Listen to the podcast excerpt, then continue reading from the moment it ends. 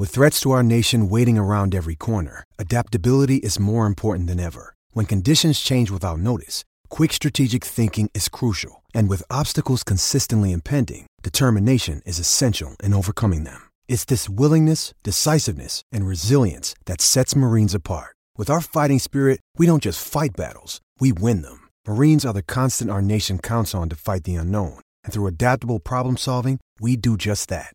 Learn more at marines.com. James. Then Carter for Dirk. Five seconds. Dirk for three. Zaj, nincs egyszer a végén, ha battog a spalding Minden nap élmény, blokkok és zsákok Na gyere megmutatom, ez NBA szerelem Keleten, nyugaton, robban a zaj Nincs egyszer a végén, ha battog a spalding Minden nap élmény, blokkok és zsákok Na gyere megmutatom, ez NBA szerelem Keleten, nyugaton Hey, jó! Szép jó napot kívánok mindenkinek! Ez itt a Keleten-nyugaton podcast. Én Rédai Gábor vagyok, a podcast egyik házigazdája, és mint mindig most is itt van velem másik házigazdánk, Zukály Zoltán. Szia Zoli! Szia Gábor, örülök, hogy itt lehetek. Sziasztok! Amit most feltétlenül rögzítenünk kell, hogy ez az adás, ez pénteken készül el, előző hét pénteken, ti ezt valószínűleg ilyen szerda csütörtök magasságában halljátok. Ha és... nem felejtem el majd kitenni. igen, még ez vicces lenne ugyanezt így szombatra.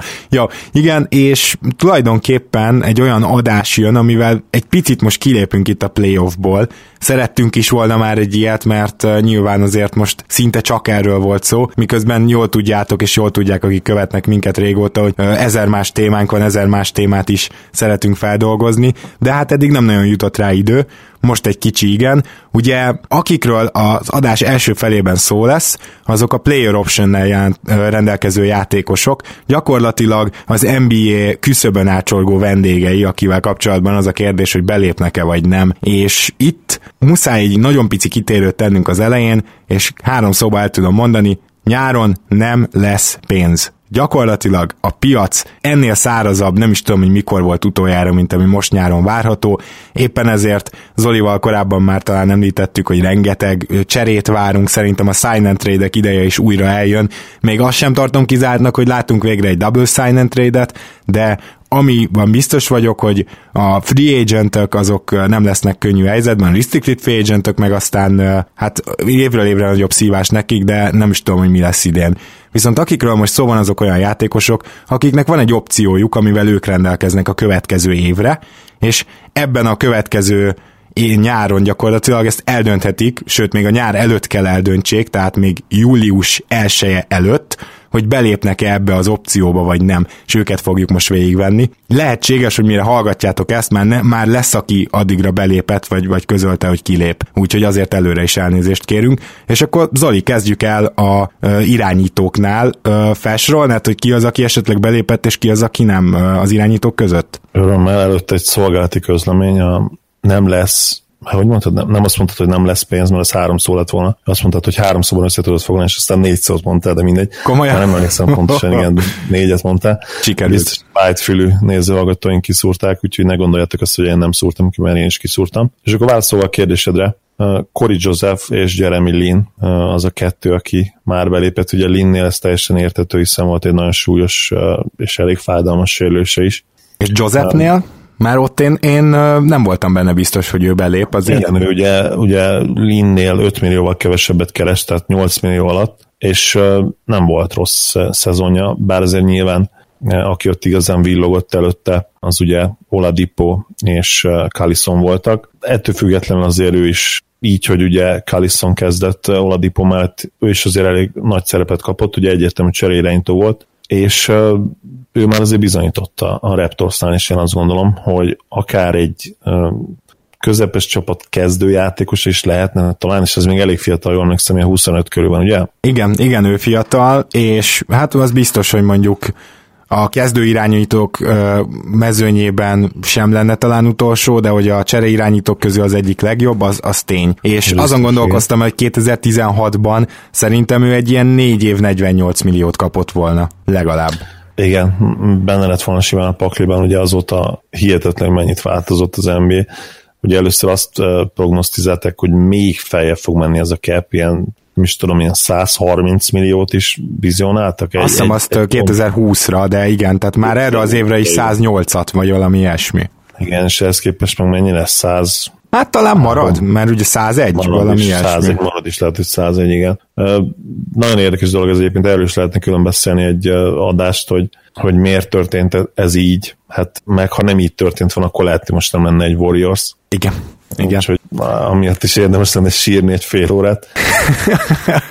és uh, Josephnek egyébként lehet, hogy igaza van. Nyilván itt ebbe az is belejátszik, hogy összejött egy nagyon jó és fiatalnak nevezhető csapat is, uh, ugye Indiánában, és valószínűleg ő még nem uh, áll készen arra, hogy ezt ott hagyja, illetve nyilván bízik magában, hogy jövőre akár egy ennél is nagyobb szerepet kaphatott meglátjuk, hogy hogy alakul.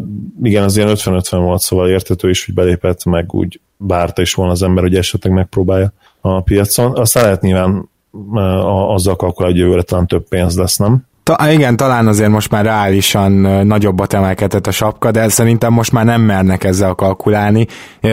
Hát igazából én szerintem ő egyszerűen azt is mondhatta, hogy ugye Callison azért már 30 fölött, ő pedig ő pedig a fiatalabb, ő neki kell előrelépni, hát kíváncsi leszek, hogy mennyire jön be ez a döntés, és akkor vannak olyan irányítóink, bár jól látom itt a listában rögtön a következő az valójában nem irányító, de teljesen mindegy, megemlíthetjük ezt szerint is, akik még nem döntötték el, hogy belépnek-e vagy nem. Irányító mérete van, igen. Gerett Templonról beszélünk ugye a Kings játékosáról, a másik pedig egyik nagy kedvencem Milos Teodosic, aki én azt gondolom, hogy nem lehet kérdés, be fog lépni. Igen. Szóval ő neki 6 millió 300 ezres opciója van, és 6 millió 300 ezret egy évre talán megkapna, de én azt se hiszem, hogy, hogy megkapna. Ő neki egyébként nem volt rossz szezonja, volt egy-két sérülése, az igaz, csak az a baj, hogy, hogy nem fognak irányítót keresni, hát tele van, tele van minden csapat irányítóval, és Teodosicsot nem fogják szerintem megfizetni, és ezt ő is belátja majd, és egyetértek veled, hogy be kell, hogy lépjen. lenne zseniális, egy Teodosics egy Warriorsba például.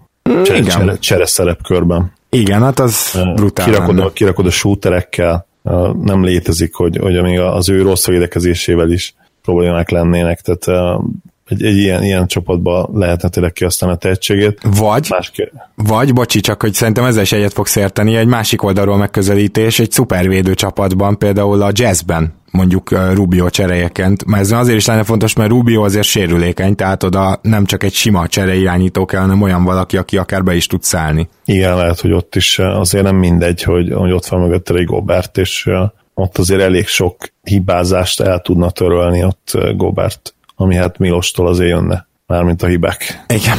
És én azt gondolom, hogy bár Temple-nek, Temple szinte az egyik legjobbja volt a Kingsnek idén, méltatlanul keveset beszéltünk róla, igaz, hogy persze a fiatalok miatt nem is kapott annyi játék lehetőséget, de ahányszor csak kapott, meglehetősen jól szerepelt. Azt majd külön talán egyszer megnézem, de jól emlékszem, láttam a statisztikát, hogy amikor kezdett, akkor a triplát is jobban dobta. Ez sok játékosnál van így, amikor szerepet kap, akkor melegszik be.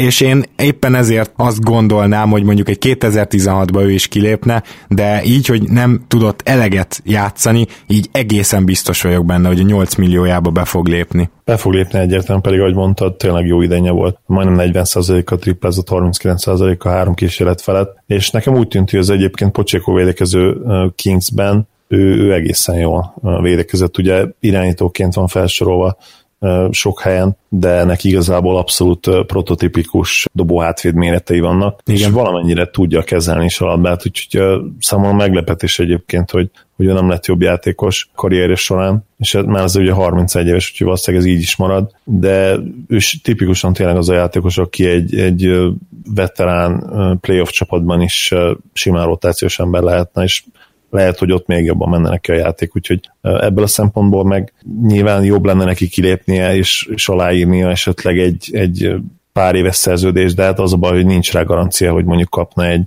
egy mini emelét, és hát azért egy évre az a 8 millió dollár az nagyon csábító. A kis listánkban rögtön a ketteseknél egy irányítóval kezdenek, úgyhogy őt most gyorsan vegyük ide, különösen azért, mert ahogy várható volt az egész szezonos sérülése után Ron Baker belépett, ő egy harmadik számú irányító nagyjából, már kidühöngted magad, emlékszem nyáron, hogy hogy lehetett neki ekkora dupla vagy két éves szerződést adni, négy és fél milliót fog keresni jövőre, úgyhogy idén gyakorlatilag pályára se lépett. És akkor menjünk tovább a kettesekkel, Zoli. Igen, én imádom egyébként Bakert, de sajnos hát észre kell venni, hogy, hogy ő valószínűleg ilyen tipikus európai játékos, aki, akinek Európában lenne helye, és ott egyébként egészen jó játékos lehetne. Én a helyében lehet, hogy már most meghoznám ezt a lépést, mert ő tényleg egy komoly Euró, Euróliget csapatban is játszhatna, és, és ott nem kiegészítő ember lenne, vagy még az sem, mert ugye az NBA-ben azért nehezen lesz rotációban ezekkel a limitációival, ami, amik neki vannak. Igen. Kár egyébként, mert egy, tényleg egy intelligens játékosról beszélünk. Na, de... Várj, és arról nem is beszéltünk, hogy 70-es évekből szökött ide, tehát azért, ha ránézel a hajára, felléphetne az abbában. Igen, meg a feje, meg a hangja is kicsit olyan, van egy John Malani nevű stand-up komikus, ő tipikusan ilyen, hogy ha megnézitek egy stand olyan, mint hogyha a 60-as évekből valaki átteleportálta volna mostanira. Tehát a haja, a hangja, a fellépése, a testbeszéde, minden tényleg olyan, mint hogyha időutazó lenne, de nagyon jó stand van, úgyhogy hallgassátok meg. Szóval a dobó átvédek, egyébként van, van ahol Ron Baker-t ide sorolják, úgyhogy akár őt is ugye point guard, shooting guard kombo, ő kombóba játszik, úgyhogy akár ide vetjük. Rajta kívül van Jamal Crawford, egyik másik kedvencünk, egyik másik, az jó, jó hangzott. Danny Green, Spursból, aki hát már nem annyira hatékony, mint három-négy éve volt, de azért még mindig értékes játékos. Jody Meeks a Wizardsból, Austin Rivers a Clippersból, és Iman Shumpert a Kingsből, aki hát, ha vele kezdünk egy utolsóként, ezer millió százalék, hogy be fog lépni. Hát, hogyha ő nem lép be, akkor az ügynöke abba a pillanatban szerintem repült, tehát az olyan jellegű hiba lenne, mint amikor Sabaz Mohamed visszautasított valami négy évre évi 10 milliót, vagy valami. Hát, ő nem lép be, akkor, akkor a papírmunkát el, elrontották inkább, vagy, vagy el, nem, nem küldte el tényleg az ügynöke faxon időben, más nem tudok elképzelni. Viszont, ami sokkal érdekesebb, hogy Jamal Crawford már kilépett, na most az tény, hogy ugye neki egy, volt egy olyan szerződése, ami még a mai napig fut, és abból kivásárolta az Atlanta, és hát nyilván emellé keresett még 4 milliót, és azt hiszem, hogy a következő évre is 4 milliós opciója volt, tehát Meg hát, jobban megengedhette. volt 20 milliós fizetése is Persze. Persze.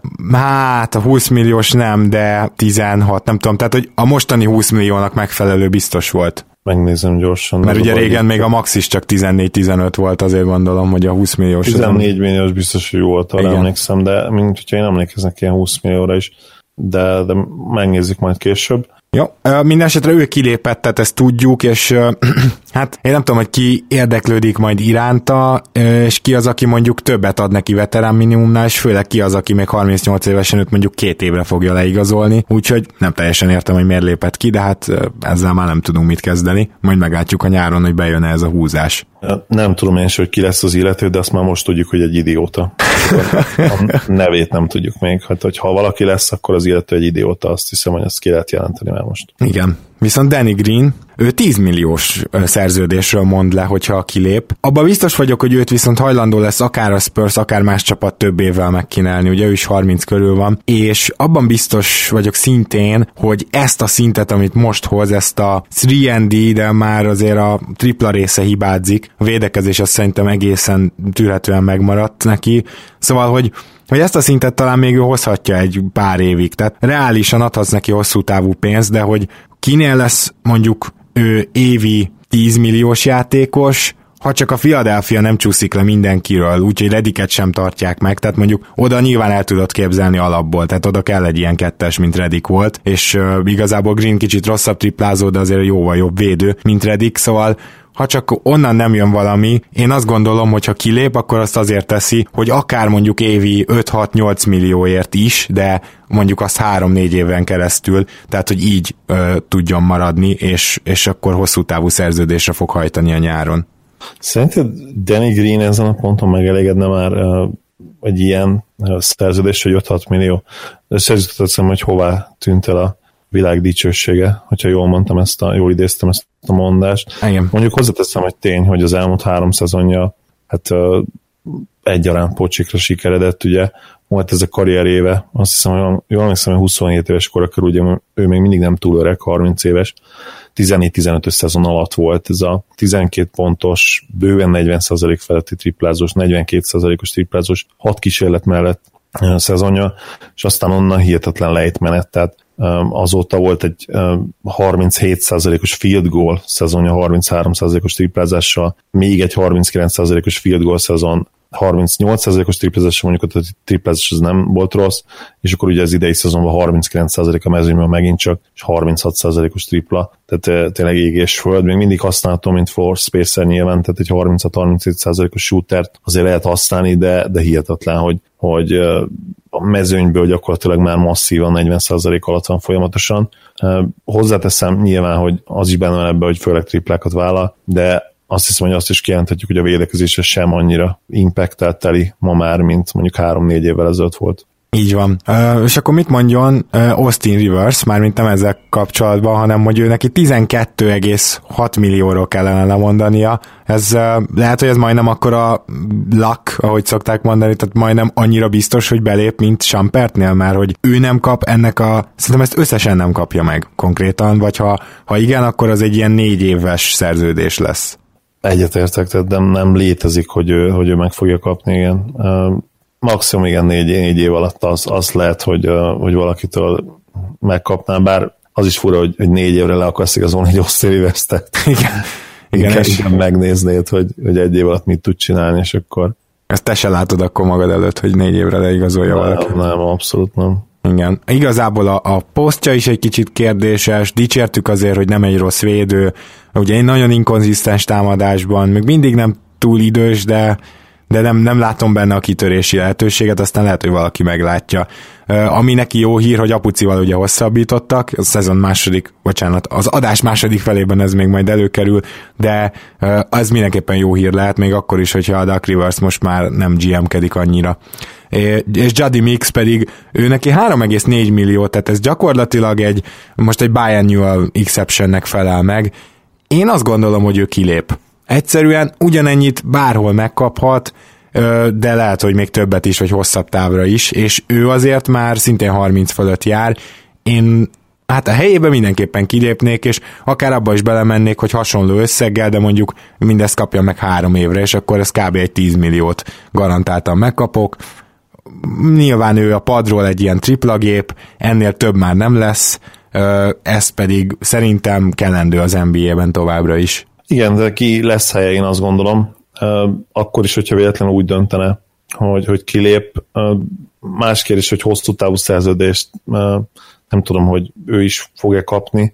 Ebben az értékben mondjuk lehet, mert azért most mennyit 3,5 milliót keres. Uh-huh. Úgyhogy azt mondjuk megkaphatja három évre egy 10 milliót, és azt hiszem, ő is még viszonylag fiatal, 27 körül lehet, szóval nem lenne akkora nagy kockázat, mert triplára mindig szükség van akkor szerintem jöjjenek a nagy nevek, vagyis a small forwardok. A, a, a kis csatárok között pedig szerintem kezdjük azzal a kettővel, aki már belépett, és egyáltalán nem lepődtünk meg ezen. Igen. Azt kell mondjam, hogy, hogy egyiken se lepődtünk meg. Azon, azon lepődtünk meg nyilván, hogy, hogy egy csomóan még nem léptek be. Igen. És akkor soroljuk is fel a kis csatárokat? Hát igen, tehát ugye a kettő ember, akiről beszélünk, az Wesley Johnson és Wesley Matthews, a két Wesley, és hát igen, Wesley Matthews egy 18,5 millióba lépett bele, uh, nyilvánvaló, hogy nevetségtárgya lenne, hogy ez bárhol megkapja egy évre, illetve ő ugye visszatérőbe van ebből a sérülésből, talán van némi Hát én azt gondolom, van némi pozitív fejlődés, de ennél te sokkal többet tudsz róla, úgyhogy majd kíváncsi vagyok ezügyben a véleményedre, hogy, hogy nem lehet, hogy igazából azt gondolja, hogy most még egy év, itt megkapom a nagy pénzt, és még arra is van esélyem, hogy esetleg visszatérjek a régi formámhoz. Lehet, hogy ő így gondolja, sőt, ismerve Wesley-t idézőjelben ismerve, ő biztos, hogy ezt gondolja. Egy rendkívül pozitív mentalitással rendelkező igazi igásló srácról beszélünk, aki, aki előtt tényleg elkalappal, mert egyébként egy végtelenül jó ember, és, és hát egy iszonyú nagy harcos, de ugyanakkor az is teljesen egyetem, hogy soha nem lesz már a légi. Ez tényleg ő biztos, hogy nem hiszi el, mert tényleg tipikusan az a, az a mentalitású, aki az utolsó, élete utolsó másodpercig küzdeni fog, harcolni fog, és, és ő ebben leli örömét, úgyhogy tényleg még egyszer le a kalappal, de, de biztos vagyok benne, hogy ő nem lesz már olyan jó. Más kérdés, hogy, hogy ő tényleg ezt ő elhiszi, és, és ezért is én azt gondolom lépett be ebbe a szerződésbe, ő nem úgy gondolkodik, hogy most leakasz még 18 milliót, hanem ő, ő meg akarja alapozni egy olyan szezonnal az ő hátralévő karrierjét, amiben még szerinte beleférne egy nagy szerződés, százszerzékig biztos vagyok benne, hogy ő ezt, ezt gondolja. Így van. Ez a cél. Így van, teljesen egyetértek. Wesley Johnsonnál pedig szerintem 6 millió, az neki jó pénz. Én azt gondolom, hogy méltatlanul keveset játszott a Clippersben, mert amikor játszott, akkor jó volt, és blokkolt, labdát Igen. lopott, védekezett, Igen, Wesley tipikusan az a játékos tényleg, aki, aki akármikor nézem játszani, mindig, mindig az jut eszembe, hogyha ez a srác tudna triplázni, akkor sorban állnának érte a csapatok. Hát igen, tehát ugye neki volt egy-két biztatóbb tripla szezonja, de azért összességében egyszerűen kevés, tehát hogy igen, akkor ilyen 35% környékén volt párszor, az mondjuk nem lenne rossz, és uh, nyilván nem olyan sok kísérletet, tehát én két-három kísérlet körül uh, ért el ezeket az átlagokat. Uh, nem egy tragikus triplázó hozzáteszem, de azért uh, hát nem is az, akit be lehet tényleg tenni mondjuk egy Warriors rotációba. Uh, bár lehet egyébként pont a Warriors egy olyan csapat lenne, ahol ő, ő egészen jó fit lenne, és mondjuk egy lehet, hogy megnézni én például a, a rotációban egy uh, Trae Young helyett, nem Trae Young, Trae Young ugye most jön az NBA-be. Uh, hogy hívják? Nick Young?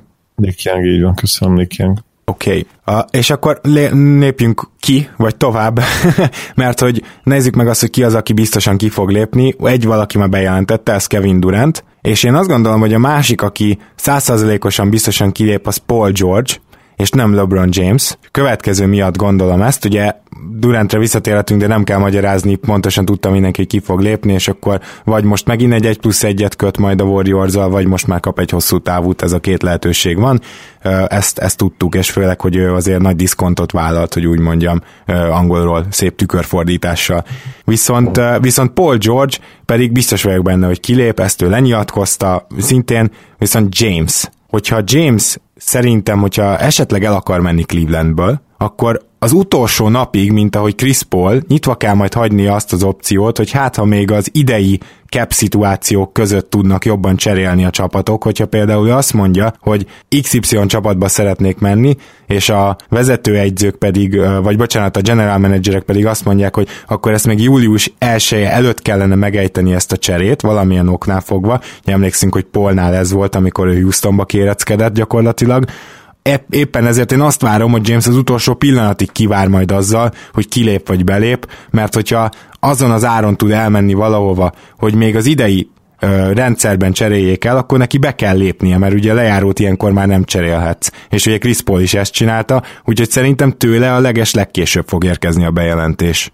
Igen, make, make sense, hogy mondani szokták. Mm, nem, nem tudom, hogy mi lehet nála most. Most nyilván a döntőre koncentrál, de hogy ha vége is a döntőnek, független attól egyébként, hogy ha, ha csoda folytán nyernének, azt, azt gondolom, hogy akkor is simán benne lenne, hogy el, elköltözne, és áttenné a székelyet egy másik csapathoz. Ha meg kikapnak, akkor értelemszerűen még, még nagyobb lesz ez a késztetés benne, hogy, hogy megpróbálja még máshol, főleg, hogyha tényleg lehoz egy elképesztő döntőt, és, és ha véletlenül tényleg megnyerni akár a Finals MVP-t is úgy, hogy, hogy alig nyernek meccset, hogy mondjuk max. egy, egy vagy két meccset nyernek, hát nehéz nem arra gondolni, hogy, hogy olyan gondolatok ütnék fel a, ütnék fel a fejüket a fejében. Igen? Hogy, hogy neki tényleg egy, még, még meg kell próbálni a következő két-három évben, amíg, amíg ez a peak, vagy hát már nem is peak, már ez ilyen peak túli peak kitart, és, és tényleg mert LeBron ahhoz egyszerűen túl kompetitív, hogy, hogy tényleg gyűjtögesse itt az ezüstérmeket.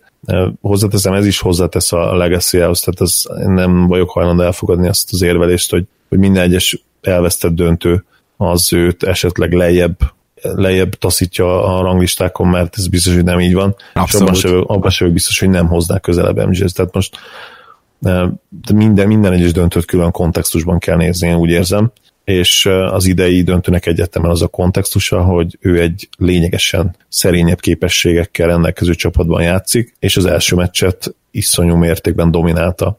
Tehát, hogyha ez, ez a narratíva megmarad továbbra is esetleg, akkor én tényleg el tudom képzelni azt, hogy közelebb került MGS, attól függetlenül, hogy elbukják a döntőt. És akkor még egy delikvensünk van, a, hozzáteszem teljesen egyetértek az elhangzottakkal, az Rudy Gay, aki a Spursben keresett jövőre 8,8 milliót. Itt igazából a Spursnél láttunk már olyat, hogy lebeszéltek egy játékost arról, hogy belépjen, de Gate szerintem nem fogják tudni lebeszélni. Biztos vagyok benne, hogy be, belép. Nagyjából ennyit is ér, nem játszott rosszul az előző idényben. Ha csak nem ígér a Spurs neki egy hosszú távú kontraktust, mondjuk három éveset, mint ahogy gazolnak, akkor akkor szerintem nem fog kilépni. Szép baleset lenne a Spursnél. Hmm. Hát igen. Főleg, hogyha a Kawai tényleg bejelenteni véglegesen a szándékot, hogy el akar menni, akkor hát akkor mi a francnak egy Rudig három évre.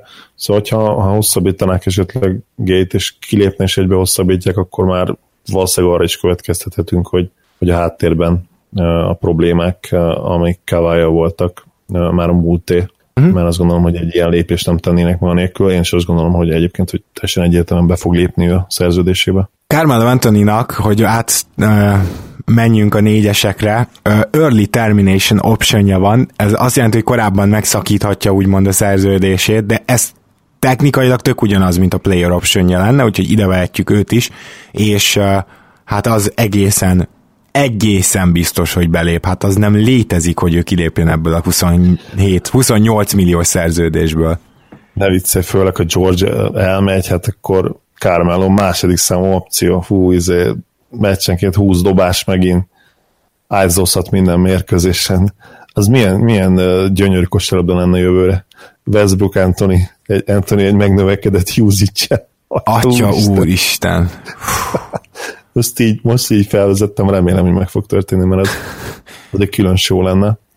De tényleg egy majdnem 30, akkor majdnem 35 éves Anthony, aki hát teljes mértékben államvilágban él, hozzáteszem, tehát, és itt már nem lehet arra fogni, hogy, hogy ő egy kompetitív játékos, hogy valaki ilyen mértékben ne lássa a saját képességeit, jelenlegi képességeit, és hogy az ő fejében tényleg ennyire a múltban legyünk, hogy ő saját magát még sztárjátékosnak látja, gondolja, tehát hogy kirögi azt 34 évesen, hogy neki a padról kéne bejönni, amikor igazából már a padról se kéne bejönni, mert nem kéne az NBA-ben lenni az előző szezon alapján. Tehát meg ugye volt ez a Corvers eset, hogy valaki leírta, hogy ki gondolta volna, hogy 2018-ban hogy Kyle Corver jobb játékos lesz, mint Anthony. Ugye Anthony kirögte ezt, hát nem, hogy, Kár, nem, hogy Corver jobb játékos, egyszerűen nem fel lehetne sorolni Corvernél tíz rosszabb játékos, aki kivétel nélkül jobb volt, mint Edson. Abszolút. Uh, nem, nem, nem tudok mit hozzáfűzni, ha csak nem azt, hogy például még az a Dwayne Wade is hajlandó volt belátni, hogy esetleg neki már a csere irányító szerep jut uh, reálisan, ugye akár a Cavs-be idén, akár a Miami Heat-ben, am, aki korábban folyamatosan fájlalta azt a sajtótól, hogy őt alul értékelik, és nem értékelik Igen. eléggé, és hogy nem elég nagy sztár, még ő is, ő is belátta ezt készséggel, hogy mi a helyzet. És, és Wade, peak főleg, hát ő egy top 15-ös all-time volt, és ő egy valóban egy MVP szintű játékos volt. Anthony soha a büdös életben nem állt közel ez a szinthez, és valóban, ahogy mondott, hogy Wade be tudja ezt vállalni. Nem szoktam sokat dicsérni, de le a kalappal egyébként igen. Tehát, hogy neki már van egy reális képe arról, hogy, hogy ki ő játékosként, és ezért szeretem Dörköt is egyébként, mert Dörk három-négy évvel ezelőtt is már tudta azt, hogy már nem ugyanaz a játékos, és mindig őszintén és kritikusan beszélt a saját játékáról, pedig egy négy-öt évvel ezelőtti Dörk mennyi, hány szinttel volt jobb, mint az idei Anthony. Hát igen. A akkor beszéljünk a másik biztos belépőnkről, ő Darrell Arthur, mármint, hogy ezen a négyes poszton, bár ő is már lassan inkább center lesz, ahogy öregszik, és nyilván kicsit lassul. Őt egyébként nagyon sajnálom, hogy a sérülések tönkretették a karrierjét, mert ő már elkezdett megtanulni triplázni, mindig is egy mozgékony magas ember volt, egész jól is pattanózott, hogyha neki nem jönnek a sérülések, akkor neki egy sokkal szebb karrier juthatott volna. Minden esetre a Denvert fogja keseríteni ezzel, hogy belép ebbe a 7,5 millióba, és hát ugye a Denver már így is egészen biztosan komoly luxusadó problémákkal néz szembe, hogyha megtartja Bortont is, és Jokicsot is. Jokicsnak még nyilván ugye max kell. A Denverben nem fognak örülni, de hogy Arthur belép, az egészen biztos, mert idén is vagy sérült volt, vagy a rotáció végén volt. És hozzáteszem, amikor pályára lépett, akkor szerintem megint egész jól játszott. Igen, Arthur nekem is az egyik, hát nem is azt mondom, hogy kedvenc, de, de az egyik ilyen kedveltebb kiegészítő ember volt főleg még egyébként a Memphis időkből, akkor ilyen 22-23 évesen lehozott egy, egy egészen jó szezont, és azt tetszett benne mindig, hogy annyira szép középtávoli jumpere volt, tehát olyan gyönyörű magas ívben, és zseniálisan dobta ezeket, ezeket a középtávoliakat. Úgyhogy egyetértek azzal, és egyébként egész atletikus is volt ahhoz képest. Igen hogy, hogy az ő játékstílusa inkább a jumper épült. Per 36 számokat is, azt hiszem volt egy-két olyan szezon, amikor, amikor egészen kiemelkedő per 36 számokat hozott. Soha nem volt túl elpattanozó hozzáteszem, de hát ugye undersized erőcsatárként azért ez, ez várható is volt. És igen, teljesen egyetembe fog lépni, tehát ő már egy ilyen szerződést a mai NBA-ben, főleg ugye a mai cap szituációk mellett szinte bizonyos, hogy nem fog kapni. És kihagytunk valakit a hármasok közül, de nyugodtan ide sorolhatjuk a négyesekhez, hiszen egyre inkább ott tud érvényesülni, és egy jó szaréve volt Wilson Chandlernek, ha már Denverbe járunk, aki szerintem szintén szomorítani fogja meg a, a Nuggetset. Biztos vagyok benne, hogy neki nem ez volt a terve, hanem az, hogy lehoz egy jó szezont, és ezzel a jó szezonnal majd ő kilép, és kap még egy hosszú távú kontraktust. Ehhez képest, hogy jövőre 13 milliót ő most ebben a helyzetben utasítson, teljesen kizártnak érzem. A Chandlerről mindig az volt véleményem, hogy ő egy, egy olyan játékos, aki mindent tud egy kicsit, de igazából semmit. És a Nix évek alatt ugye rengeteget néztem őt.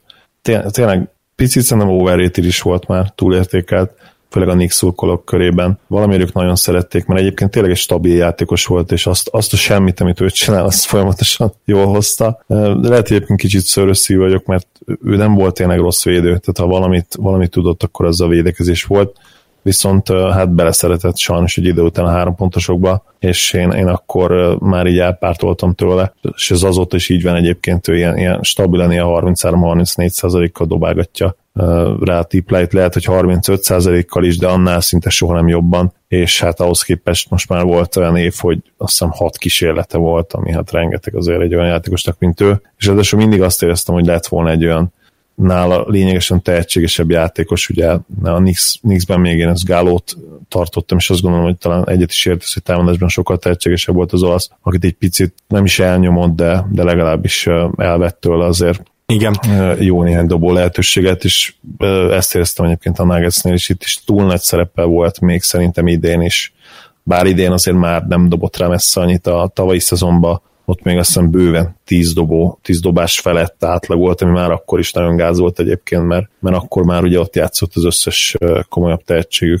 Bizony, um, hát nekem annyira paralel az ő pályafutása Jeff Greenével, nyilván ő neki nem volt egy egyéves kiadás a szívműtét miatt, de ugye Jeff Green is úgy indult, hogy kicsit ilyen mindent tud, meg mindenből tud, meg akkor ő lesz majd a második, harmadik opció a Thunderbe, aztán már csak a negyedik, aztán elcserélték, aztán nem baj, majd a Clippers, majd a Memphis, és ugye sehol nem váltotta meg a világot, és aztán egyre rosszabb is lett. És Wilson Chandler szinte tök ugyanilyen játékos, most már tök ugyanilyen karrierívvel is, mert a tavalyi év az egy nagy hanyatlás volt. Nyilván azért is be kell lépnie, hogyha még bízik magában, hogy tud egy jó idényt, egy igazán jó idényt lehozni, akkor, akkor ez az egy év ott áll, hogy bizonyítson. Igen, és mondjuk annyi mentsége van Chandlernek, hogy ő tényleg az legalább annyi, hogy ő soha nem volt túlfizetve. Úgy, úgy nagyon túlfizetve. Most mondhatjuk azt, hogy a 12 millió az ezért teljesítményes sok volt, és igaz is, de Mondjuk három de... évvel ezelőtt kötötte, és ott az első évben volt egy egész jó éve például, a sérülése előtt, ugye? Igen, igen, akkor, akkor nem volt rossz,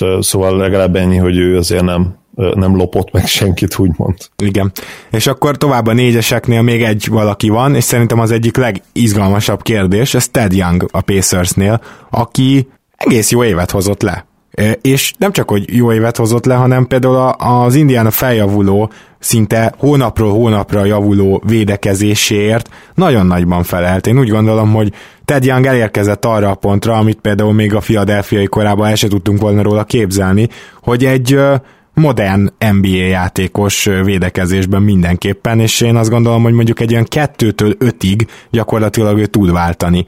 És ez egy olyan tulajdonság, ami miatt még így 30 évesen, azt hiszem most 30, Szóval igazából én azt gondolom, hogy kapna ő szerződést, nem vagyok benne biztos, hogy ez a 13,7 millió, hogy ezt évente megkapná, viszont abban biztos vagyok, hogy két, akár három éves szerződést is kaphatna, és hogyha mondjuk ott 8 millió van évente, vagy 10, akkor igazából azt is mondhatod, hogy megéri neki kilépni, Viszont, hogyha meg azt nézed, hogy most be tud söpörni egy év alatt még 13,7 milliót, akkor meg nem. Őszintén megmondom, nem tudom, hogy kilép-e vagy nem, és nem, nem is igazán tudom megtippelni. Nála is ugye azért felmerült az, hogy sőt még inkább, mint Josephnél, ugye, hogy jelen pillanatban ő szerintem nagyon élvezi azt a, a, azt a közeget, amiben ő benne van, ugye Indiánában, Indianapolisban, és hát ő, ő ráadásul kezdő is volt, aki meccsenként több mint 30 percet játszott, 81 meccsen volt kezdő, és tényleg nagyon sokat hozzátett a, a Pacers védekezéséhez. Hihetetlen egyébként, bocsi, de még mindig csak 29 éves ebben az évben. 29, igen. A basketball reference is 29-nek tartja, lehet, hogy egyébként meg közben hogy a 30-et betöltötte, de igazából lényegtelen, még mindig fiatal, a mai NBA-ben azért ő még egy 4-5 évet bőven, de lehet, hogy 6 hetet is eljátszhat. Triplája nincsen, próbálkoztak pár szezonban, az előzőben ugye 38%-kal dobál, de hát 1,6 kísérlet, neki valószínűleg ez a hajó már elúszott, főleg, hogyha ránézünk ugye a büntető százalékára is, azért 59%-os büntetőzők nem szoktak jól triplázni, kivéve, hogyha Bruce Bowenről beszélünk. és tényleg, amit védekezésben Young tud hozni, az, amit mondta, hogy 2-től 5-ig, és ugye a switching defense-ben nagyon-nagyon jó, amit a Pacers is játszik most már, nagyon sok labdaszerzése volt, majdnem kettő stílt átlagot idén, tavaly is elég közel volt, tavaly előtt is, sőt, azt hiszem volt olyan szezon, ahol, ahol kettő felett is volt neki ez, ami hát egy magas embernek egészen elképesztő, még akkor is, hogyha ugye ő, ő is egy undersized magas ember, aki a fürgességéről, sebességéről híres. És akkor ne feledkezzünk el arról, hogy a négyes poszthoz képest nem szarlepattanózó, és emellett tud passzolni is, ha arról van szó. Néha egy-egy blokkal is besegít, az nem annyira erőssége, csak azt mondom, hogy kicsit ilyen mindenes játékos, és kevés turnoverrel dolgozik. Igen, per 36-ra volt neki több tíz lepattanok körüli szezonja is, bár ugye az átlag azért az ennél bőven alacsonyabb, de, de ez a per 36-ra karrier átlag 7 körüli, ez, ez a posztján ilyen átlagos, pici, picit talán átlagnál jobb is, úgyhogy igen. Ő is, ő is tényleg minden ezzel picit hozzá tud tenni. És akkor azért te most nagyon óvatosan megpróbáltad megúszni a verdiktet, szerinted belép, vagy nem? Szerintem belép, mert annyira jó ez a közösség itt tényleg, amit összehoztak a pacers és szerintem ők meg akarják próbálni ezt jövőre, és és nem is feltétlenül lenne lehetetlen, bár nyilván a Celtics azért egy brutális akadály lehet 2019-ben, még így a nyár előtt is, hogy egy csomó mozgásterük van, még egy csomó uh, trade asset, draft pickek, minden, amit el tudsz képzelni, és ugye jön vissza két sztárjátékos gyakorlatilag jövőre. De ugyanakkor meg gondolhatják azt, hogy a Sixers még mindig fiatal lesz, nyilván, hogyha nem tudnak nagy sztárt igazolni, és hát nyilván magukról is azt gondolják, hogy még fejlődhetnek, mert azért Bogdanovics és ilyen kivételével a, a másik hármas azért, most itt főleg ugye Szabonisra is gondolok az egyik cserével, centerük ugye Miles Turner szintén fejlődhet még, és hát azt gondolom, hogy Oladipo is, főleg, hogyha arra gondolunk, hogy, hogy már a kiesés napja után gyakorlatilag elment edzeni, úgyhogy lehet, hogy benne még egy szintlépés ott lehet és hát ez nyilván azért minél biztosabb maradásra is bírná Ted Youngot. Persze azt sincs kizárva, hogy megegyezik úgy fű alatt a Pacers, hogy kilép, és akkor mondjuk kap egy mm, három év, 24 milliót. Szerintem most, ez most is benne rossz, van a pakliban. Jó, a centerek. Dwayne Wedmon a Hawksnál most végre ugye kezdő lett. Sokáig a gyengébbik Plumlee ugye kezdett a helyén, és ezért nekünk a leggyengébb kezdőjátékos díjunkra jelölt is volt, és ez pont Deadmon fosztotta meg ettől, mert hogy azért részbe kaptak Atlantában, meg Deadmon sem volt sérült már egy idő után, és akkor Badenholzer végül őt kezdette, és igazából egész jó szezont hozott le, szóval azt, amit ő nagyjából tud, azt be tudta mutatni, és ennek ellenére is lehet, hogy belép, ő már nem annyira fiatal, mint ahogy gondoljuk, azért mert a Spurs így felfedezte, a, ugye azt hiszem draftolatlan játékosként, ettől függetlenül már annyira nem fiatal, és én azt gondolom, hogy mondjuk 6 milliót ezen a piacon cserecenter nem fog kapni. Úgyhogy annak ellenére, hogy ő egy modern center, és meg a triplát is elkezdte dobni ugye idén Atlant- Atlantában. Igen, kénytelen volt elkezdeni dobni Ja, mondjuk igen, Baden-Holzernél kapásból kénytelen, hogy elkezdeni dobni, ezt el is felejtettem. Igen, ettől függetlenül egyébként nagyon kellemes meglepetés volt, hogy ő majdnem azt hiszem 36%-os triplázása, és mint hogyha két kísérlet felett lett volna, úgyhogy kiemeltük ezt egyszer az egyik podcast során, és a büntetőt is egészen jól dobta, ilyen massz, masszív karrier high hatékonyság azt hiszem majdnem 80%-kal. Úgyhogy ezek mind arra engednek következtetni, hogy ő ő azért szintén egy ilyen workhorse típusú center, aki tényleg dolgozik a játéken folyamatosan, és hát ezt is uh, tudjuk róla, így ismertük meg őt ugye a Spursben, úgyhogy uh, ő biztos, hogy kellene másnak is, ez nem kérdés. A kérdés itt inkább az, hogy mennyiért. Igen. És uh, abban nem vagyok biztos, hogy mondjuk ő kapna egy két évre 16 milliós szerződést évi 8-ra, mert azért az már pont az a határ, hogy, hogy rá is fizethet az új csapata. Hát igen, meg most, hogy látod, hogy egy NBA döntőbe, vagy konferencia döntőbe már kb. Kapelának, meg Tristan Thompsonnak kell lenned, hogy centerbe pályán tartható legyél, tehát itt nyilván a mozgékonyságra gondolok elsősorban. Igen. Uh, igen. Ennyire azért nem mozgékony Deadmon, és nem biztos, hogy ilyen játék, ilyen típusú, sőt, egyáltalán nem biztos, hogy centerbe, ha csak nem ugye a legkiemelkedőbbekről beszélünk, akarsz beleölni pénzt. Így van, pontosan, és ezért is lesz érdekes a következő nevünk, hogyha, Bizony. Hogyha úgy megyünk, ugye, hogy ABC sorrendben. Nem vagyok abban biztos, hogy, hogy például egy DeAndre Jordannek, akiről ugye beszélek, és akkor most már talán így Deadmondot átbeszéltük, nem meg kellene most így, így hirtelen átgondolni ezt az egészet hogy én most kilépek a szerződésembe, mert őszintén engem az se sokkolna, hogyha, hogyha ő ilyen 15, évi 15 milliónál nagyobb ajánlatokat nem kapna. Tehát annyira lecsökkent tényleg most már a szerepe az ilyen klasszikus, tradicionális centereknek, még hogyha nyilván ugye Jordanről mondhatjuk is azt, hogy azért ő mozgékony, és védekezésben nem feltétlenül tradicionális, mert bár van tömege, de azért nyilván nem egy ilyen dromedár, viszonylag gyorslábú is, Viszont abban de... a tekintetben mindenképpen tradicionális, hogy ő se tud azért egy az egyben Kína periméteren védekezni, tehát vele is drop-back defense kell csinálnod. Igen, főleg azért vele is, bár talán mondjuk mozgékonyabb, mint egy Nurkic, vagy, vagy legalábbis ugye mint egy Valancsunasz. Igen. és mondom, engem most se sokkolna, hogyha, hogyha ő nagyon, nagyon-nagyon nagyon pofára esne, hogy még egyszer kimondjam a nagyon négyszer is, mert hogy ha ő tényleg nem kapna ilyen évi 15 milliónál többet, nagyobb ajánlatot, akkor az, az hihetetlen blama lenne. És az már lehet, hogy tényleg a végkifejlet felé terelni ezt az evolúciót, ami, ahol most vagyunk, ami a centerek, illetve a tradicionális low post centereknek a kihalását illeti mert nyilván a, mondhatod, hogy a Bugsba belei lenne, de hát ugye meg lehetne még pár csapatot találni, de hát ott nem lesz pénz. Melyik ilyen csapatnál lesz pénz? Hát gyakorlatilag egyiknél se, ugye Egyik a Suns keres most nagyon centert, meg a hát, Mavs. Nem, tehát, hogy... nem Jordan-t akarnak, hanem Kapelát nyilvánvalóan. Ugye előbb, előbb ajánlanának be Kapelának egy fiatalabb, mozgékonyabb játékosnak, és ugye lényegesen jobban is büntetőzik, ugye az is nagyon fontos, hogy DeAndre-nál ez pár idén azt hiszem, hogy ő is tudta emelni a százalékot. Hát egy picit tudta, de kevesebb is ugye Capella maxa, hogyha már Sunsba, vagy tehát bocsánat, Phoenixbe menne valamelyik szinte, az gyaníthatóan maxért menne. Ez a másik, igen, igen. kevesebb.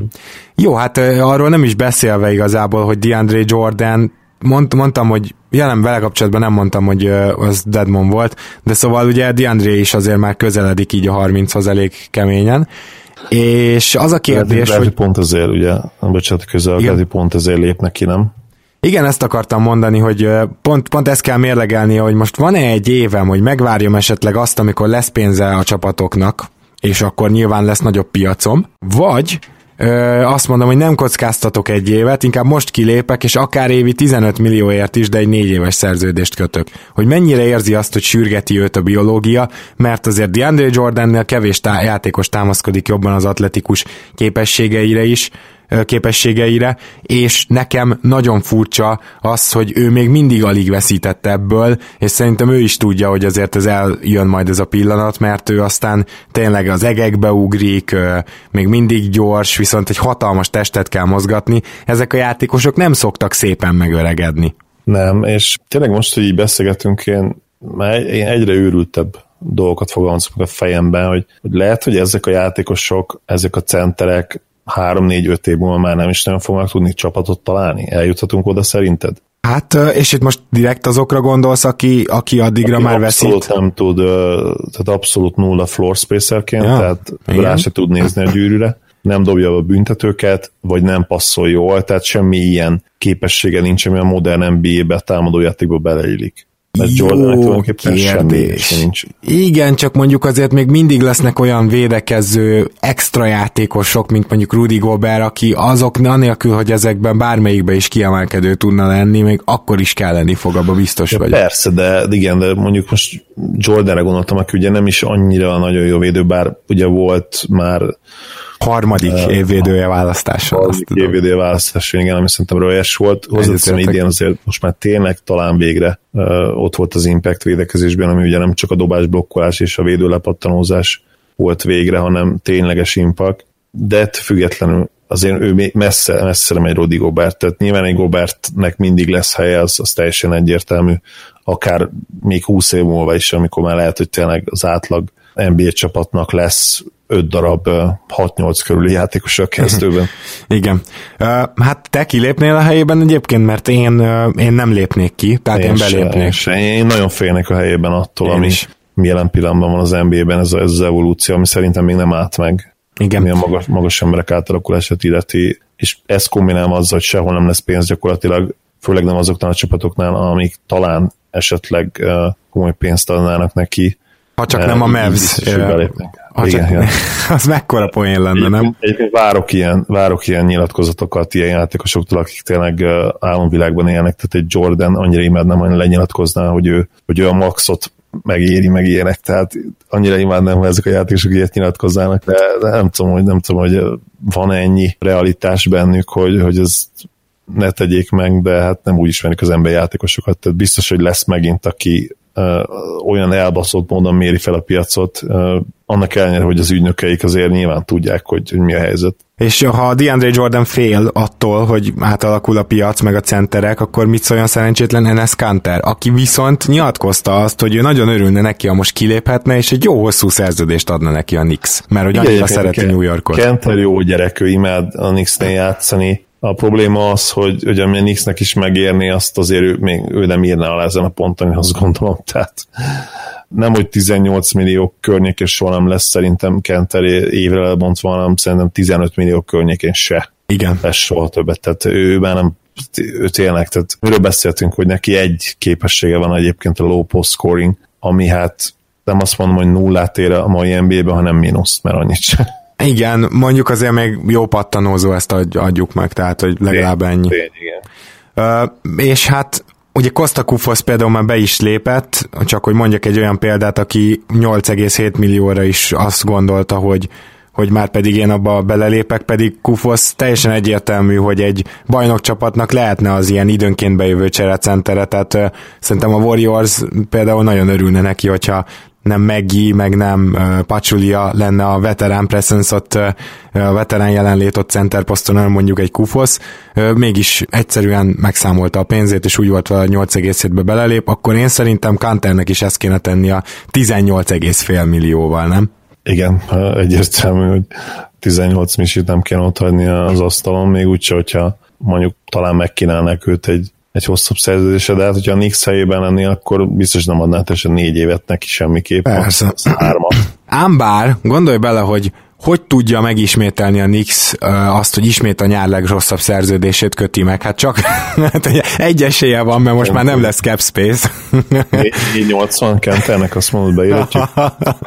Igen, hát figyelj, a hagyományt meg kell őrizni, ugye, úgyhogy könnyen elképzelhető. És akkor Kufaszt említettük, viszont nem említettük azt a Joffrey Lövernyt, aki, uh, vagy Laverny, uh, de lehet inkább Löverny. Lavernyő, tudod, úgy Ja.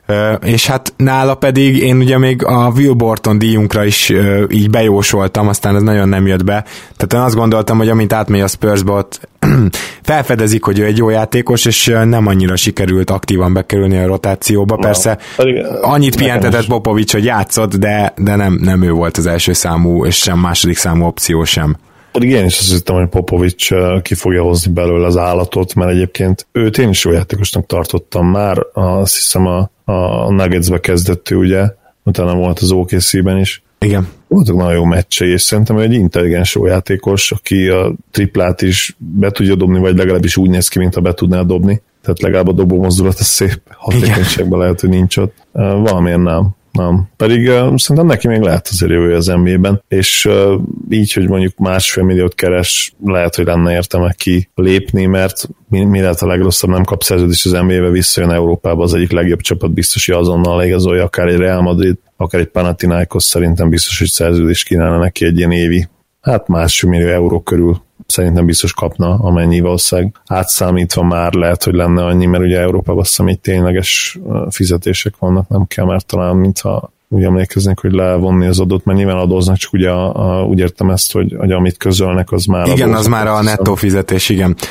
És hát én ilyen szempontból kíváncsi vagyok Mike Muscalára is, ugye, aki, akiről sose találod ki, hogy milyen rohadt magas. Ő ugye az egy viszonylag mozgékony négyes, a triplát is ö, nagyjából be tudja dobni, sőt, szerintem kijelentetjük, hogy ez megmutatta a karrierje során, hogy jó triplázó, és igazából én a helyében, na a helyében kilépnék az 5 milliómból, ö, főleg azt, hogy nézd meg Mike Scott, ugye, aki teljesen hasonlóan cselekedett tavaly, és amikor ezt megtette, akkor a Washington adott neki egy szerződést, nem túl nagyot, nem túl jót, minden esetre ő bejátszotta magát, azt gondolom a washingtoni rotációba elég szépen, és az egyik ilyen bright spot volt. És szerintem Muscala 28 éves talán nincs értelme, hogy a Hawksba még egy szezont lejátszon, mm, különben is ott már szerintem mindent ismer, mindent tud, szép volt, jó volt, ennyi volt, mindenképpen tovább a helyében, és minél hamarabb, és most ő úgysem számíthat ilyen hatalmas fizetésemelésre, de hogyha valaki mondjuk beajánl neki három évre 12 milliót, akkor szerintem örömmel lecsapnék rá a helyében, szóval én az 5 millióból kilépnék.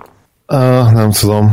Uh, tény, hogy van benne fantázia, ugye ellentétben az ugye a DeAndre-kkel, ami, amiről beszéltünk arról a prototipikus tradicionális centerről, Muscala ez az új, új hullámot képviselő center, ugye most már három kísérlet felett 38%-kal triplázott, 37%-kal bocsánat, és hát a büntetőket meg idén 91%-kal dobta, mondjuk hozzáteszem, hogy meccsenként 1,2, tehát ez a, az a minta, ami nem feltétlenül transzlálódik majd következő évre, hogy elővegyem a kedvenc szamunkat. Hát az biztos, hogy ő senkinél nem lesz kezdő, tehát hogy nem így Bár, kell vele számolni, igen. Egyértelmű. Egyébként 26 éves még csak van Scala, úgyhogy... 26? Nem 91-es? 26 éves elvileg. Lehet, hogy 9, az ugye lehet 91-es, és akkor lehet még 26, úgyhogy lehet, hogy 91-es. Aha, igen. Akkor még... Uh... Valószínűleg akkor idén fogja igen betölteni a 27-et. Igen. Per 35 egyébként idén azt hiszem, hogy karrier számokat hozott, vagy majdnem. Lehet, hogy volt egy szezonja, ahol még a szinte alig játszott, és ott jobb, de hát ugye azokat a per 36 számokat ki lehet dobni a kukába. Uh, idén azért, azért egész jó játékidőt kapott, ha jól emlékszem, ilyen 20 perc, 20 perc körül játékidővel volt. És igen, ő például tényleg akár ő egy jobb csapatban is játszhatna, például ő is szerintem egy Warriors cserecenternek nagyon jó lenne. Csak ugye nyilván itt az a kérdés, hogy mennyi, mennyit tudnának adni neki lóvét. Az emelét azt ő ugye nyilván nem, nem fogja megkapni, mert azért az már overpay lenne, 8 millió felett ugye a taxpayer emelét. Például ahol még én elnézném, hogyha esetleg Jerebkód nem akarja megtartani a jazz, akkor ott elnézném. Tehát ahova kell egy ilyen igen. stretch magas. Igen, az... Oda jó lenne, igen, igen. Neki lesz azért szerintem, hogyha kilépne ő, biztos, hogy talán a csapatot. Uh-huh. Csak itt tényleg kérdés az, hogy, hogy ő még azért nem öreg, tehát ugye most lesz 27, neki lehet, hogy érdemes megpróbálni még egy szezont lejátszani. Mondjuk az a baj, hogy hogy a kez, bár nem tudom, le, esetleg erőcsatár poszton hogy állnak majd most, mert ugye Deadmon kezdett előző szezonban. Centerként, és Muscala néha talán kezdett is erőcsatárként. Pár meccsen kezdett, azt tudom, de ugye azt hiszem Muscala is inkább cserecentert játszott a szezon nagyobb részében, és akkor Hammond meg nem, nem, Mascala végig négyes játszott majdnem végig, mert ugye ott volt Deadmond meg Plumlee, és nagyjából ők lefoglalták azt a center posztot, és még John Collins is inkább center szerintem. Basketball szerintem centernek hívják az egész szezonra, de mindegy. Nem. Szóval nem, nem tudom, de lenne olyan verzió szerinted, ahol ő kezdő lehetne, akár, akár center, akár erőcsatár poszton? Hát szerintem nem. Tehát itt Collins mellett amúgy nem is olyan rossz kiegészítő, de van egy olyan sanda gyanúm, hogy magas embert fog draftolni az Atlanta. Igen, lehet, hogy Hammondot mondtam, Collins nem tudom miért. John Hammond, ez a Jurassic Parkból Valamint ugye a, most már az Orlandónak a GM, aki átment. A GM is, igen. Milwaukee. Ami volt is egy szarpoénom ezzel kapcsolatban. Igen. De már most emlékszem, hogy mi valószínűleg jobb is. Szóval igen, Collins az ugye egyértelmű kezdő, az nem lett kérdés. És ha mondjuk jön mellé Bagley, vagy jön mellé mondjuk lecsúszik Aiton, vagy ah, esetleg Bambátot kihúzzák. Akkor igen, akkor ott akkor még nagyobb logjam lesz, úgyhogy hát lehet, hogy így, így most meggyőztem magamat, hogy kilépnék a helyében uh-huh. és megpróbálnék valahol mással aláírni egy négy éves szerződést. Ő szerintem alá tudna írni egy négy éves szerződést, megvan a képesség, hogy aláírunk papírokat, de félretéve a tréfát. Igen. Félretéve a tréfát, ha, hát ha benne nem látnak 26 évesen floor spacer centerben jövőképet, akkor kibelátnak a mai NBA kiegészítő emberek közül. Bezony. És szerintem majdnem uh, gramra ugyanezt tudnánk elmondani Kyle O'Quinnről, neki egy 4,2 millióból kellene kilépnie, szerintem ki kell, hogy lépjen, kilépnék a helyébe, hasznos, jól pattanózik, annyira nem jó a keze, mint Maszkalának, de azért láttuk triplát dobni, és, és kifejezetten hasznosan védekező, blokkolgató, stíleket szerző magas emberről van szó, egy kőkemény valaki, akit te tudom, hogy nagyon kedvelsz ugye a, a Knicksből. Én imádom Oquint konkrétan, tehát amikor játszik, én amikor lá, látom őt játszani, mindig nagyon jól játszik, és tényleg nem, nem tudom azt, hogy ő nagyobb játékidővel is képes lenne erre, de hát a per 30 száma is monster számok, tehát idén per 36-ra 14,3 pontot, 12,2 lepattanót, 4 asszisztot, egy stealt és két és fél felkerekítve három blokkot jegyzett, alig adja el a labdát, tehát tényleg a per minute produkció, amit nyújt, az, az elképesztő, és ami különösen tetszik benne, hogy nagyon-nagyon jól lát a pályán, az egyik legjobban passzolott center az egész ligában. Bizony, bizony, és akkor emellé még így védekezésben is egy, most nem azt mondom, hogy a leggyorsabb irányítókra is rá lehet váltani, de egy egészen jól védekező centerről van szó, és egészen gyorslábú centerről.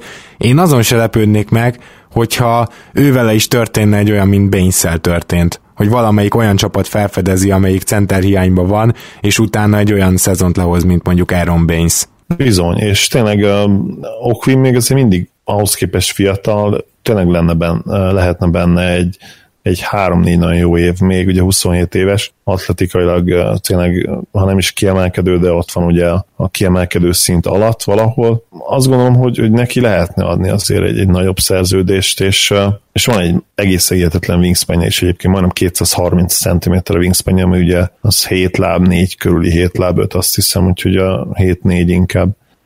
Kíváncsian várom, hogy, hogy kilép-e. Én biztos, hogy kilépnék a helyébe és pozitívan várnám a fejleményeket. Hozzáteszem, hogy, hogy lehet, hogy még jobb lenne, főleg ugye tudjuk, hogy képi nem fog játszani, ha most várna, belépne ebbe a szezonba, és tudja azt, hogy rengeteg játékidőt fog most kapni véletlenül, ugye, hogy nem lesz képi, és lehozni egy nagyon-nagyon erős szezont.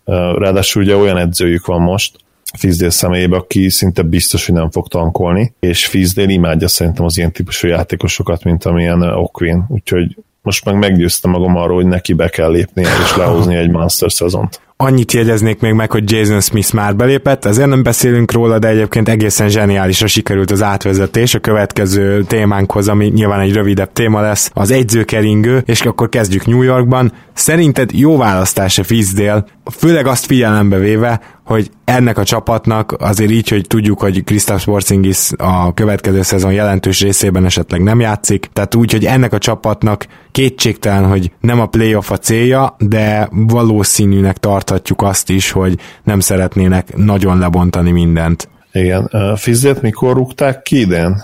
Melyik hónapban? Hú, azt hiszem az még november végén volt. Most csak hasamra ütöttem, de úgy körül. Szerinted, ha ő maradt volna, tudtak volna tankolni? Nem nagyon, ugye? Nagyon jó kérdés, mert ugye volt olyan probléma, hogy, hogy ott Gassollal és azon keresztül a félcsapattal kicsit összeveszett, aztán nem tudom, hogy annak milyen hatása lett volna, mert annak se lett volna jó hatása. Lehet, hogy nem tudtak volna vele tankolni. Én abban vagyok biztos, hogy Fizdale Memphisben, amit mutatott, az nem volt rossz, de nem kell tőle azért elszállni, tehát ne, nem volt olyan extra, próbálta megújítani azért a Memphisnek a támadójátékát, de nem mindig voltak ilyen tökéletes döntései, szóval nem az új Brad Stevensről beszélünk, de még, mm. csak, de még csak nem is az új, nem tudom én, Rick Carlisle-ról. Tehát, hogy... Tudom, tudom, miért kérdezem, mert képi nélkül, és ha tényleg főleg, ha kihagy az egész szezon, ami nyilván szerintem már akkor azért is történne meg, mert azért, hogyha karácsonyig számoljuk, az már bőven szerintem meg lenne ez a 9-10 hónap, de hogyha mondjuk még februári, akkor már gyakorlatilag egy év környékén vagyunk, amikor már szinte biztos, hogy egészséges lesz, csak ugye akkor már minek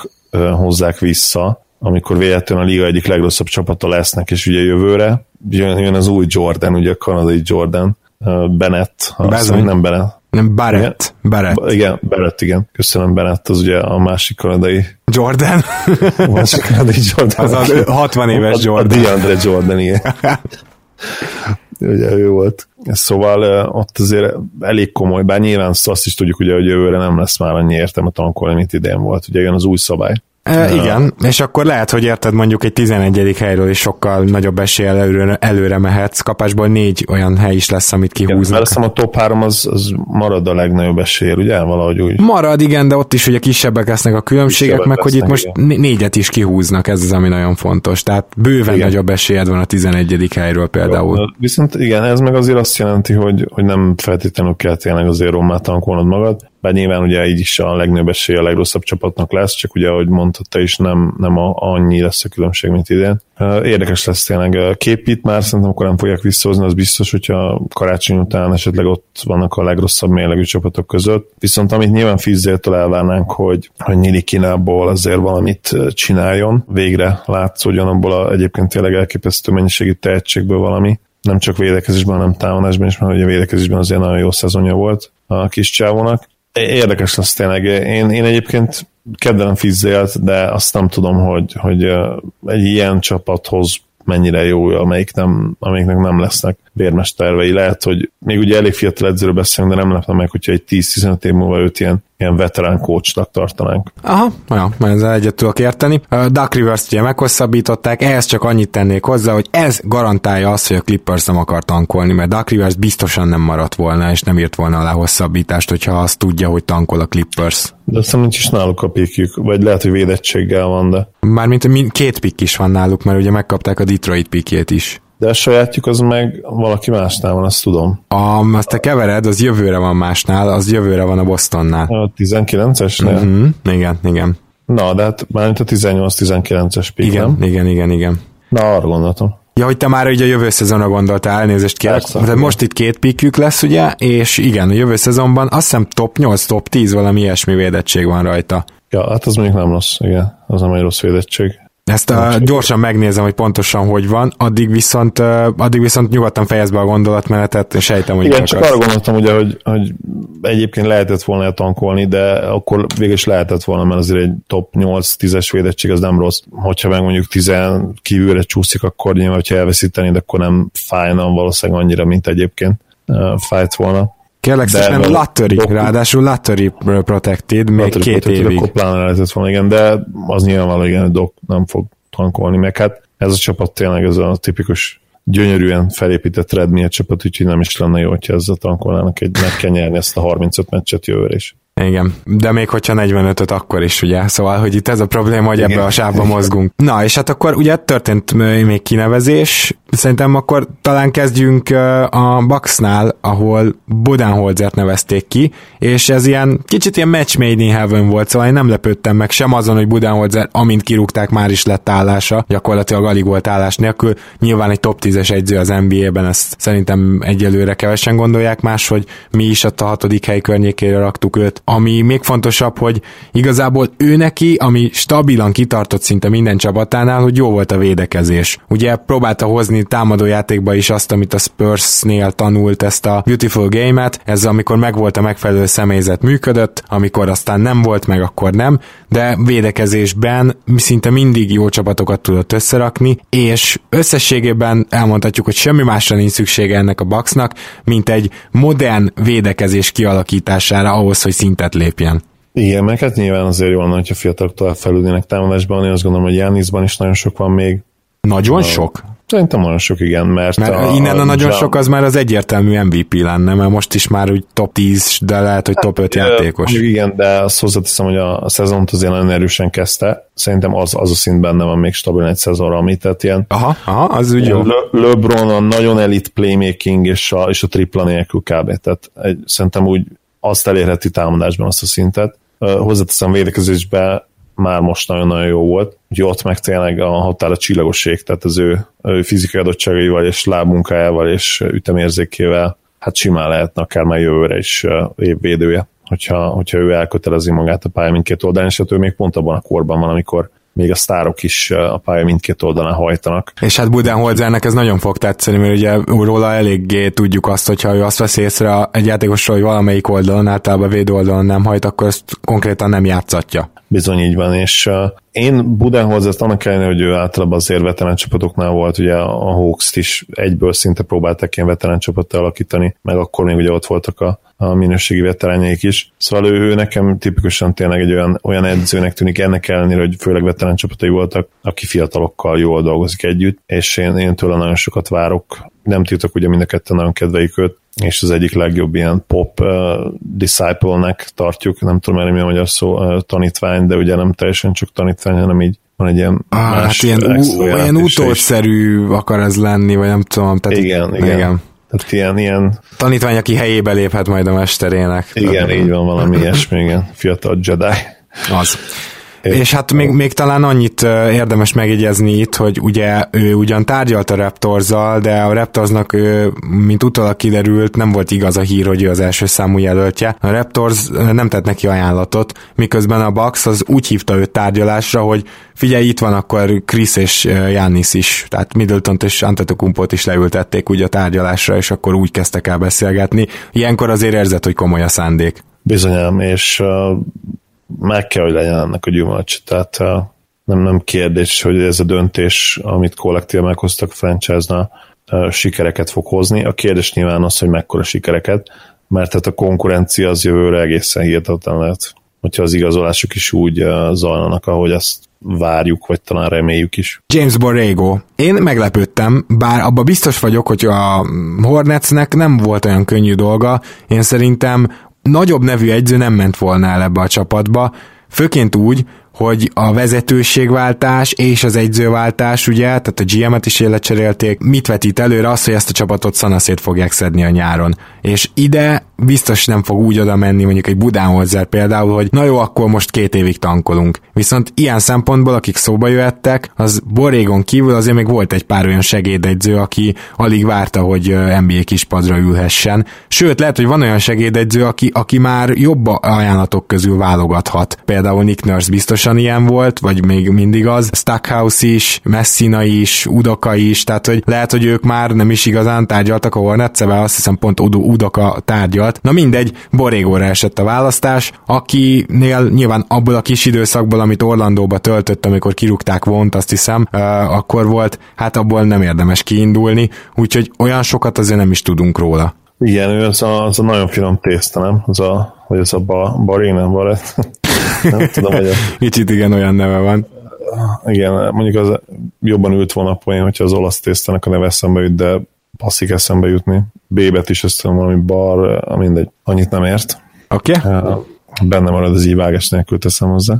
Már akkor vagy ez, ez volt a tésztás poénom az egyik, vagy, vagy csak ennyit kérdeztem volna, hogy hú, kicsoda? Úgyhogy uh, én ennyit mondanék erről a fiatal emberről, mert megmondom hogy semmit nem tudok róla. Uh, nem tudom. Uh, no edzők nyilván működhetnek, miért nem működhetnének, lehet, hogy ő a világ legjobb edzője, Ugye erre még sok lehetősége nem volt megmutassa az NBA-ben. Meglátjuk, hogy, hogy mire képes ezzel a csapattal, amelyik hát nyilván ugye csak egy, egy opció van, ugye Jordan alatt az, hogy menni előre és megpróbálni valahogy bejutni a rájátszásba. Hát én erre kíváncsi leszek, mert én most majdnem biztos vagyok benne, hogy teljesen szét fogják szedni a keretet. Tehát, hogy a, Jordan, az is... Jordan csinál végre egy normális uh, robbantást, hát, hát nem tudom. Nem de most, mert, mert mekkora elkenés lenne az, hogy tudod, hogy jó, hát akkor én most lecserélem a GM-et meg a vezetőegyzőt, és akkor ugyanezzel próbálkozunk. Hát de figyelj, MG ezt csinálta eddig gyakorlatilag nem, tehát hát. Uh, ő nem volt hajlandó. Hát Nyilván nem, nem ugye voltak a bobketzes idők, de ott is ott se arról volt szó valahogy, hogy hogy, hogy ők tervezetten, hinkiszerűen nyomták volna ezért, hanem egyszerűen annyira pocsékok voltak, hogy, hogy úgy jött ki, de hát ugye tudjuk, hogy MJ mekkora draft guru, úgyhogy minden idők egyik legrosszabban draftoló tulajjáról beszélünk, úgyhogy Hát ez ilyen. És egyébként Borrégóval tovább nőtt a Popovics tanítványok száma az NBA-ben, ezt még gyorsan hozzá akartam tenni, ugye ő is dolgozott a Spursben. Hát ki nem dolgozott Pop kezen. Ja, lassan már igazából a fél NBA, a scoutokról nem is beszélve, tehát ott aztán egy teljes hálózat így visszaszivároghatna a spurs és szerintem már nem férnének be a csarnokba. És hát akkor ugye még egy kinevezés, ami viszont én azt gondolom, hogy mind a kettőnknek meglepetés volt, ez pedig Clifford és az Orlando házassága, amire én röviden egy olyan kommentet írtam még az NBA Sport TV csoportban, hogy az egyik legkonzervatív egyző helyett sikerült idehozni a másik legkonzervatívabb egyzőt. Én nagyon jó kérdésnek tartom azt, hogy Steve Clifford mit keres egy ilyen fiatal csapatnak az élén, illetve, hogy most majd ki fog derülni azért, hogy az orlandói, szintén ugye cserélték a vezetőséget tavaly, hát az orlandói tervek azok pontosan mik. Mert ez gyakorlatilag, hogy évek óta tankolnak, és nem tudnak jók lenni, vagy jobbak lenni, ez, ez tarthatatlan, és ez a legnagyobb ilyen taszító szerintem a szurkolóknak. Ez a baj, hogy nem igazán tankoltak, tehát ugye erről is beszéltünk, hogy... Még, még csak az se igazán, igen. Igen ha bár tankoltak volna, nem itt tartanának, én azt gondolom. Hát ha, hát ha végre szerencséjük lesz, mert jövőre se fognak szerintem 30 meccsnél többet nyerni, vagy maximum 32-33-t, és ugye azzal azért már be lehetne csúszni a következő ebben az új rendszerben, ugye egy egész jó pikre, hát ha végre kiúznak egy korszakos játékos, ez nem fog megfordulni, tehát ugye nekik mikor volt eddig csapatok, amikor kiúztak egy Shaquille meg amikor kiúztak egy Dwight Howardot. Ennyi igazából. Igen. És ráadásul azért az, hogy Clifford össze fogja rakni a védekezést, azt várhatjuk ugyan, de hogyha Fogel nem rakta össze, akkor problémáim vannak az, hogy Clifford összerakja el. Szóval ezt már sokszor mondtam nálam, az a gyanús, hogy az Orlando az tipikusan beleesett a losing culture-be. És ez a losing culture, ez, ez egyszerűen vérfrissítés kell a játékosok terén is, mert hiába, hogy technikailag vannak ott elég jó védők, ugye Biombóval az élen, de a Biombo, Ibaka, sor, meg Gordonnal, meg Furnéval, tehát ezek nem, nem olyan szarul védekező játékosok, mondjuk Furné, amióta túl van terre a támadásban, azóta nem védekezik, de ez most mindegy. Szóval ezek a játékosokkal amúgy, meg Elfrid Payton csak össze lehetne már rakni egy normális védekezést. Még én nagyon kíváncsi vagyok, és ez nagy lakmusz uh, papírteszt lesz amúgy Vogelnek is, hogyha mondjuk nem változik jelentősen a keret, és hirtelen elkezdenek védekezni Clifford alatt, akkor Vogel végleg el fogja veszíteni ezt a defenzív mágus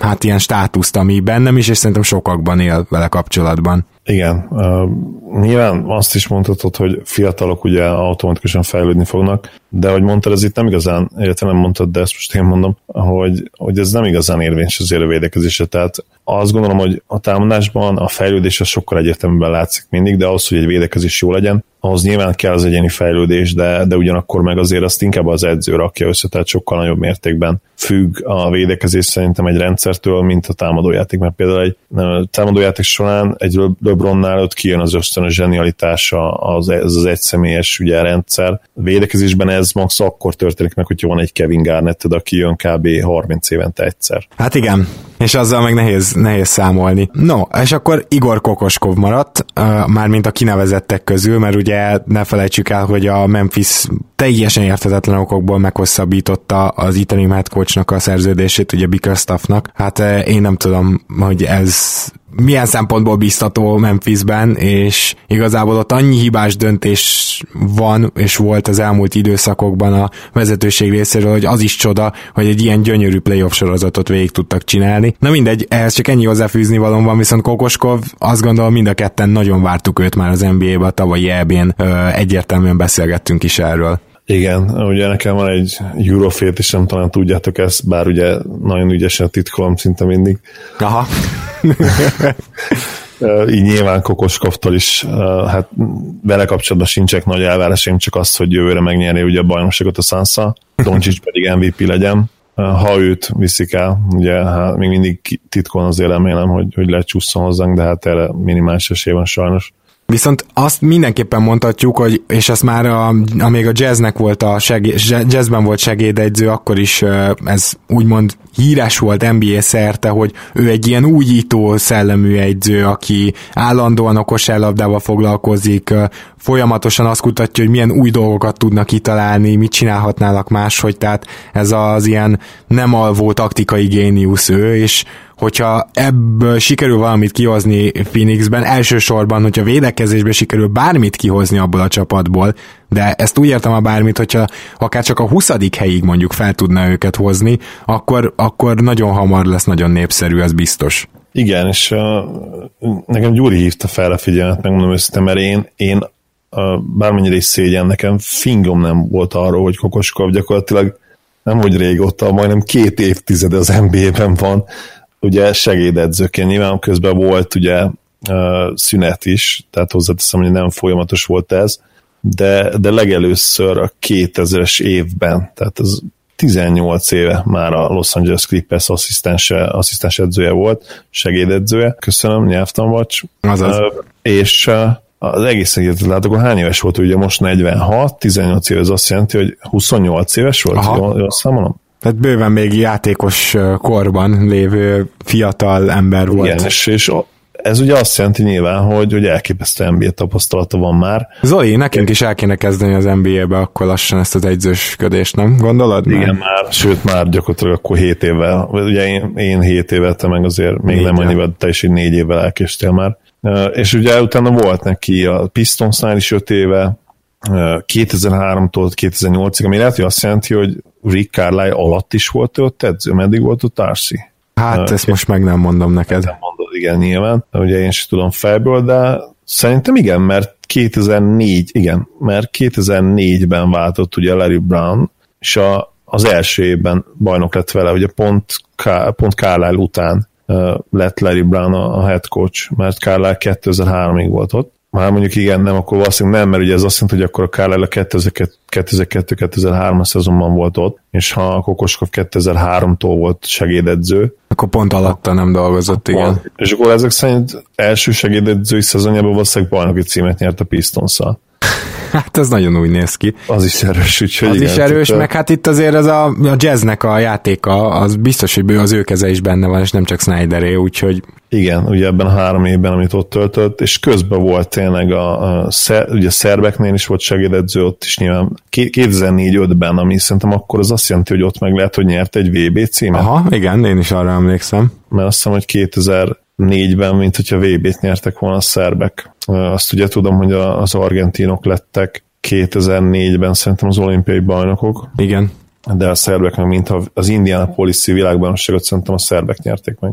Most ne, ne nem fog megesküdni rá, hogy ne hozzátok felelnem, hanem így volt, de mint ahogy emlékezik, és lehet, hogy abban is benne volt. És akkor kiderült már, hogy már NBA bajnok akkor lehet, hogy vele, lehet, hogy VB-t is nyert, és lehet, hogy EB-t is, na ennek viszont tényleg utána fogunk nézni, mert akkor az azt jelenti, hogy minden megnyert, és ez ugye voltam Missouri, Missouri segédedzője 99 és 2000-ben, na most ha kiderül, hogy abban az évben megnyerték a Final Four-t, akkor, akkor visszavonulunk és kész. Igen. Akkor leborulunk okoskod nagyság előtt már most, és, és persze akkor be is írhatjuk a Sunsnak a bajnoki címet jövőre, ahogy, ahogy ugye mondtam. Ami érdekesség abban még, hogy péntek van, a, már mint most a felvétel alkalmával, az az, hogy lehet, hogy mire hallgatjátok ezt, már meg lesz a Raptorsnak és a Detroitnak is a head coacha, de abban biztos vagyok, ez a két csapat azért sem siet annyira, mert hogy ugye inkább onnan indulnék, hogy miért sietnek a csapatok ilyenkor az egyzőkkel, azért mert az egyző majd elmondja, hogy milyen játékrendszert szeretne játszani, és ebbe fognak draftolni. A Raptorsnak meg a Pistonsnak meg nincs meg az idei píkje. Úgyhogy szerintem ezért sem véletlen, hogy ők maradtak utoljára, illetve ugye a Raptors azért a félvilággal tárgyal tényleg, mert uh, nyilván az, az egy nagyon kellendő. A Bucks mellett az még a másik nagyon kellendő uh, egyzői állás. Hát én gyakorlatilag azt mondanám, hogy szinte csak jó emberekkel tárgyalt a Reps, tehát én Stackhouse-szal, Nick Nurse-szel, Messinával, Udokával mind a négyel elégedett lennék más-más okokból, miközben sokkal viccesebb az, hogy a Detroit Pistonsnál Dane Casey-t emlegetik, mint legesélyesebb befutó. Hát ez nagyon vicces a, a kézi igazolást. ha igazolja a Pistons, akkor tényleg Lala, hogyha hallgatod az adást, részvétünk, bár tudom, hogy megpróbálnád a pozitívot megtalálni benne és egyébként Kézi nyilván az alapszakaszban összerántaná ezt a Pistons gárdát, de hát uh, igen, azért a playoffban nyilván uh, megint csak leedzeni őt a pályáról egy, egy ellenfele. Igen, legyen egyző vagy játékos. Hogyha. Clevelandre gondolunk, na mindegy. Igen. Uh, jó, akkor szerintem ennyi az, amit most itt uh, meg tudtunk osztani veletek az egyzőkkel kapcsolatban. Ha már Lalát emlegettük, akkor viszont ne felejtsük el, hogy ugye uh, ezen a héten, mikor ezt halljátok, uh, szombaton 13 órától az ellátóházban érdemes a mezvásár mezvásárára elmenni, amelyen rengeteg, de tényleg több száz mez közül válogathattok, és ez egy egyre folyamatosan bővülő dolog, és még egyszer, negyedszer is mondom, hogy az elmúlt eh, három alkalommal is emlegettem nektek, hogy van lehetőségünk nekünk a Keleten-nyugaton podcastnek egy uh, nyereményjátékra, ez azt kell tennetek, hogy a mezek.hu-t, illetve a mezvásárnak a Facebook oldalát, ezeket lájkoljátok. Úgyhogy meg fogjátok találni, az egészen bizonyos. Nézzetek körül nyugodtan, és menjetek el szombaton 13 órától az ellátóházba Budapesten. Mi pedig gyakorlatilag mára búcsúzunk. Köszönöm szépen, Zoli, hogy itt voltál ma is. Én is köszönöm a lehetőséget, és azt hiszem, hogy mezek.hu az mindenképp, nem? Igen, mezek.hu az van, és azt hiszem mezvásár a másik. Úgyhogy... És tényleg látogassatok el, és nézzétek meg ezeket. Én úgy tudom, hogy, hogy itt nem csak az új mezek lesznek már megtalálhatóak, hanem régebbi adott, adott esetben akár ikonikus mezek is, úgyhogy érdemes mindenképp kinézni, és hát ha az, arra mezre lát, rátaláltok, amit sehol máshol nem tudtatok volna megszerezni. Bizony, bizony. És hát akkor természetesen jelentkezünk jövő héten, valószínűleg hétfő magasságában, addig is minden jót kívánunk nektek, köszönjük, hogy hallgattok minket, sziasztok! Köszönjük, hogy hallgattok minket, sziasztok, örülök, hogy itt lettem. Szia Gábor! Ja. Ha más podcastekre is kíváncsi vagy, hallgassd meg a Béton műsor ajánlóját. El tudod képzelni, hogy a podcastet, amit éppen most hallgattál, fél év múlva már a mesterséges intelligencia generálja? Mi sem. De ha érdekel, eljötte már a gépek lázadása. Hallgass bele az Embertelen podcastbe. Orsós Lajos vagyok, a műsor házigazdája. Egyelőre még élőben. Egyelőre. Fedezzük fel együtt, hogyan ismerkedik, randizik, mesél és vitatkozik Betty és Péter, két teljesen mesterséges intelligencia. Lajos, a podcast címét mond még egyszer, Léci. Oké. Okay. Embertelen podcast. Ez a műsor a Béton közösség tagja.